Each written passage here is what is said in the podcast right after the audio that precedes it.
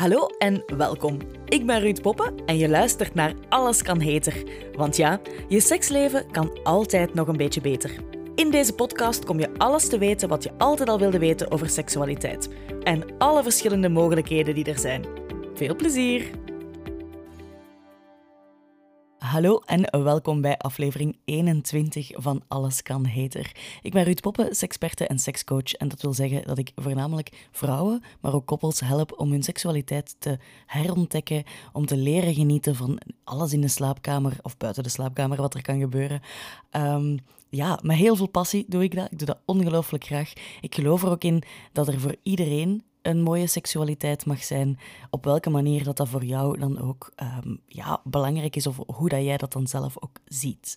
Deze aflevering heet Wat als het niet vanzelf gaat? En eigenlijk kan ik onder die titel bijna alles kwijt. Want als we gaan kijken naar wat er gebeurt in de slaapkamer, dan merken we dat er gewoon heel veel dingen niet zo heel gemakkelijk gaan. En we hebben wel aangeleerd dat seksualiteit vanzelf hoort te gaan. Um, dat seksualiteit, hoe, hoe, vaak hoor ik dat niet? Van ja, maar als dat niet spontaan komt, dan is dat toch niet echt? Terwijl als je daarover nadenkt, hoeveel dingen in je leven gaan er spontaan? Hoeveel dingen in je leven doen gewoon vanzelf wat ze moeten doen? Bijvoorbeeld koken. Ik kom heel graag met eetvoorbeelden af. Um, maar koken is daar ook een mooi voorbeeld in. Als je kookt, dan doet je dat goed omdat je dat geleerd hebt ergens. Je kunt daar misschien wel een klein beetje feeling voor hebben en een beetje talent voor hebben. Daar geloof ik absoluut ook wel in. Dat er bepaalde dingen meer vanzelf gaan omdat je uh, nu eenmaal aanvoelt hoe dat je dat zou kunnen doen. Welke kruiden dat je moet toevoegen, om het zo te zeggen. Maar koken heb je geleerd. Van uw ouders, van uw grootouders. Misschien heb je wel een deeltje op school geleerd daarvan. En met seksualiteit is dat totaal niet zo. Met koken pakken we ook al wel eens een kookboek vast. Je zoekt een recept op. En voor seks hebben we dat eigenlijk allemaal niet. Je hebt geen uitleg gekregen van je ouders, of zeer basis, penis in vagina. Um, maar al de rest van de uitleg, die heb je niet gehad. En daarom is het ook heel, heel logisch dat seks niet altijd vanzelf gaat. Dat dat een leerproces is, dat dat dingen zijn die je kunt gaan leren en gaan ontdekken, en dat op het moment dat je 16 bent, dat dat een hele andere beleving is dan op het moment dat je 50 bent. Dat dat een, een groeiproces is doorheen je leven, is super, super normaal. Maar dat is wel degelijk met vallen en opstaan. Het is niet, nu is het ineens perfect en dat gaat voor de rest van mijn leven zo blijven. Zo werkt het dus jammer genoeg niet.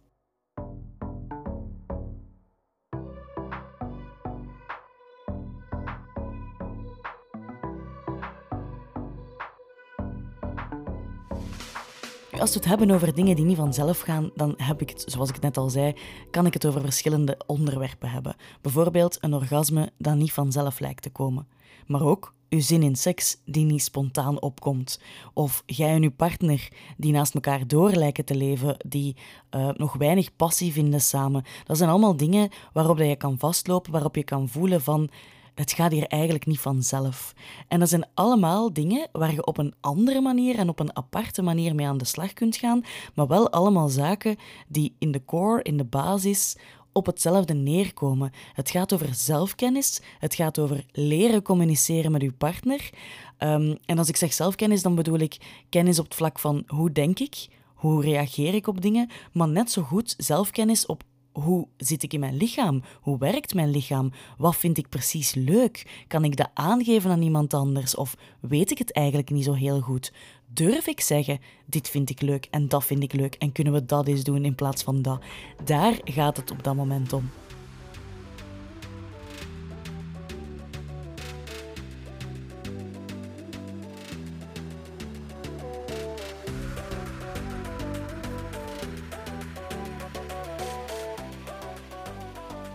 Relaties en seksualiteit zijn altijd in beweging.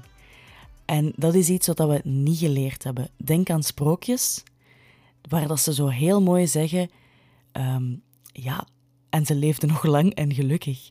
Precies alsof ene keer als mensen elkaar hebben leren kennen, het verhaal stopt. En ik merk dat bij mezelf bijvoorbeeld ook, als ik nadenk over, uh, of als ik fantaseer over dingen, ik vind het leuk om verhalen te verzinnen in mijn hoofd. Eigenlijk ben ik mijn um, mijn inspiratie om mijn verhaal te vervullen en om verder te zetten kwijt vanaf het moment dat de spannende periode van het verliefd worden en van woe, het is een eerste keer en dat soort zaken, dat dat voorbij is. En dat ziet je heel goed in onze cultuur, ook in de verhalen die verteld worden, in de sprookjes die we zien, in de films en series die we te zien krijgen. Vanaf het moment dat mensen elkaar hebben leren kennen en dat de spanning eraf is, stopt het verhaal. En ze leefden nog lang en gelukkig. Terwijl eigenlijk begint het dan pas.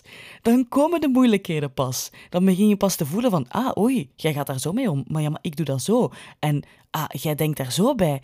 Ja, nee, dat werkt helemaal niet voor mij.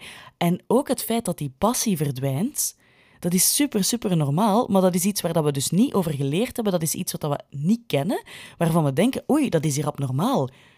Hoeveel mensen dat er bij mij komen die zeggen: Ik wil terug naar de beginperiode, naar dat eerste jaar toen we elkaar leerden kennen. Niet alleen op vlak van seksualiteit, want dat is dan uiteraard ook fantastisch. Er is een prachtige zegde dat zegt: Als je. Ehm, in het eerste jaar, iedere keer dat je seks hebt, een euro in een pot steekt. En je gaat de rest van je leven daar iedere keer een euro uithalen als je terug seks hebt. Die pot gaat nooit meer leeg.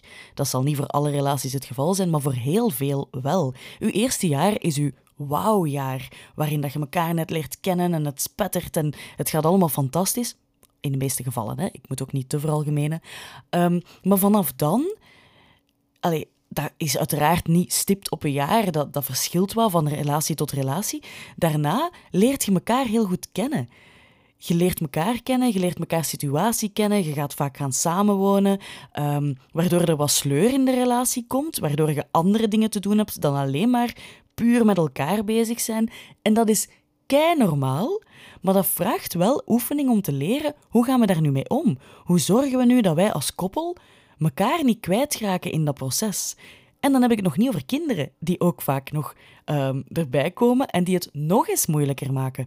Want dan, op het moment dat er kinderen zijn, goh ja, dan begint je helemaal te voelen van... Hmm, ik wil eigenlijk aandacht besteden aan mijn kinderen. S'avonds ben ik doodop. Ik heb geen tijd meer voor mijn partner. Ik heb geen ruimte meer voor mijn partner. Dat is allemaal normaal, maar dat vraagt wel bewustwording en leren hoe ga ik er nu eigenlijk het best mee om.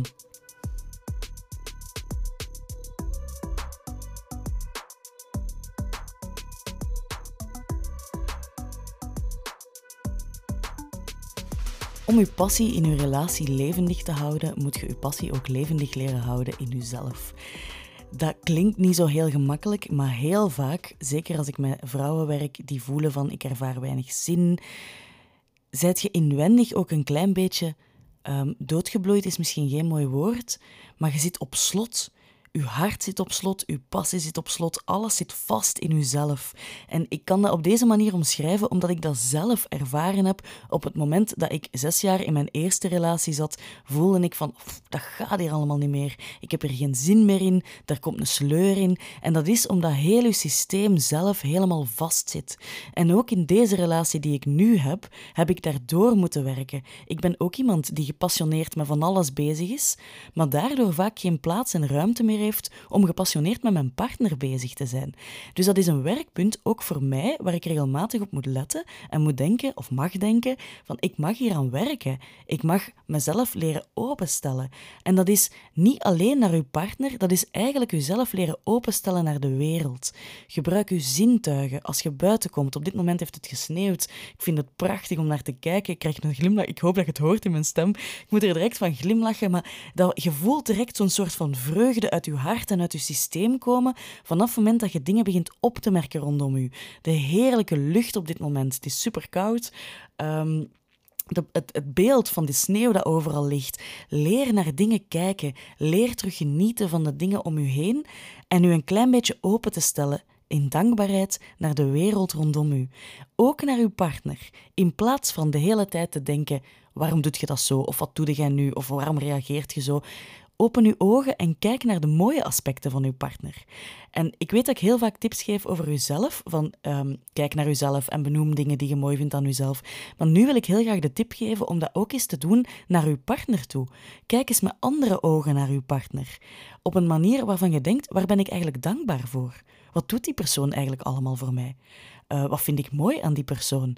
Innerlijk en uiterlijk, beide dingen. En probeer daar dagelijks een keer heel even tijd voor te nemen om daarbij stil te staan. En je gaat merken dat de passie en het verlangen dat je naar je partner voelt al meteen een, wat openheid gaan krijgen. En daarnaast, naast het feit dat je dat naar je partner doet, probeer dat ook eens te doen naar de rest van de wereld. Stel je hart open en zie en voel de dingen rondom u op een mooie manier. Uit dankbaarheid voor alle dingen die misschien toch wel goed gaan in uw leven. Dat zal zeker niet alles zijn. Ik wil zeker ook de tegenslagen niet wegwerken of denken dat die er niet zijn. Dat is absoluut niet de bedoeling. Maar weet dat er ook heel veel mooie dingen zijn. En als je die leert zien, als je daar terug bij leert stilstaan, dan gaat je jezelf voor een stukje terug mogen openen naar de wereld, naar uw partner, naar alle dingen om u heen.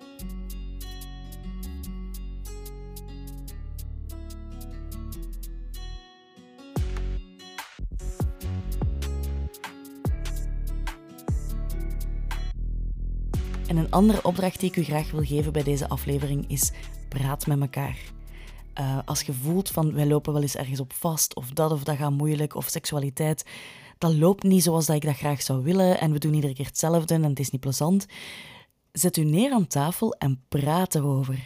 Praat echt met elkaar in diepgang. Geef aan van ik voel me daar soms zo bij. Als je dat doet, zou je het zien zitten om zo of zo te reageren of om dat of dat te doen.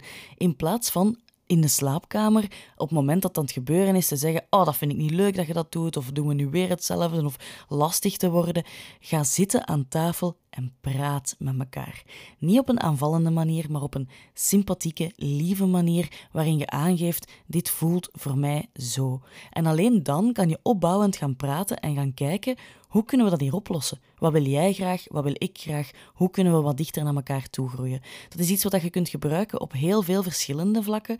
Uh, dat hoeft zeker niet alleen over seksualiteit te gaan, maar probeer een moment in te plannen, één keer per maand, één keer om de paar maand, waarin je een keer echt aan tafel gaat zitten en het hebt over de moeilijke onderwerpen in je leven. Vaak is dat geld, familiezaken, maar dus ook seksualiteit. Hoe voelt jij je daarbij? Hoe gaan we hiermee omgaan? Je zit niet in het hoofd van je partner.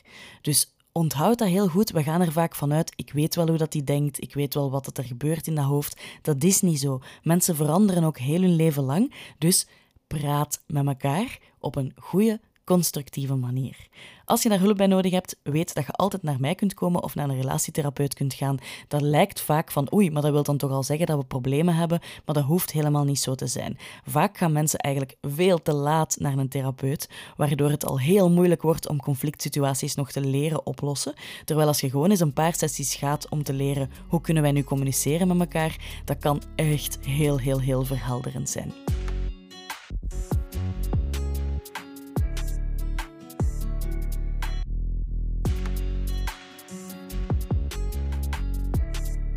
Dat was aflevering 21. Ik hoop dat je er iets aan gehad hebt. Ik hoop vooral dat je er iets mee gaat doen. Dat je jezelf weer mocht leren openstellen en communicatie met je partner kunt verbeteren op een constructieve en leuke manier. Mijn account ruudpoppen.be op Instagram bestaat twee jaar. Ik ben super fier dat ik het zo lang heb volgehouden, dat het zo goed gaat. Uh, ik krijg steeds meer aanvragen langs alle kanten ook om te mogen spreken.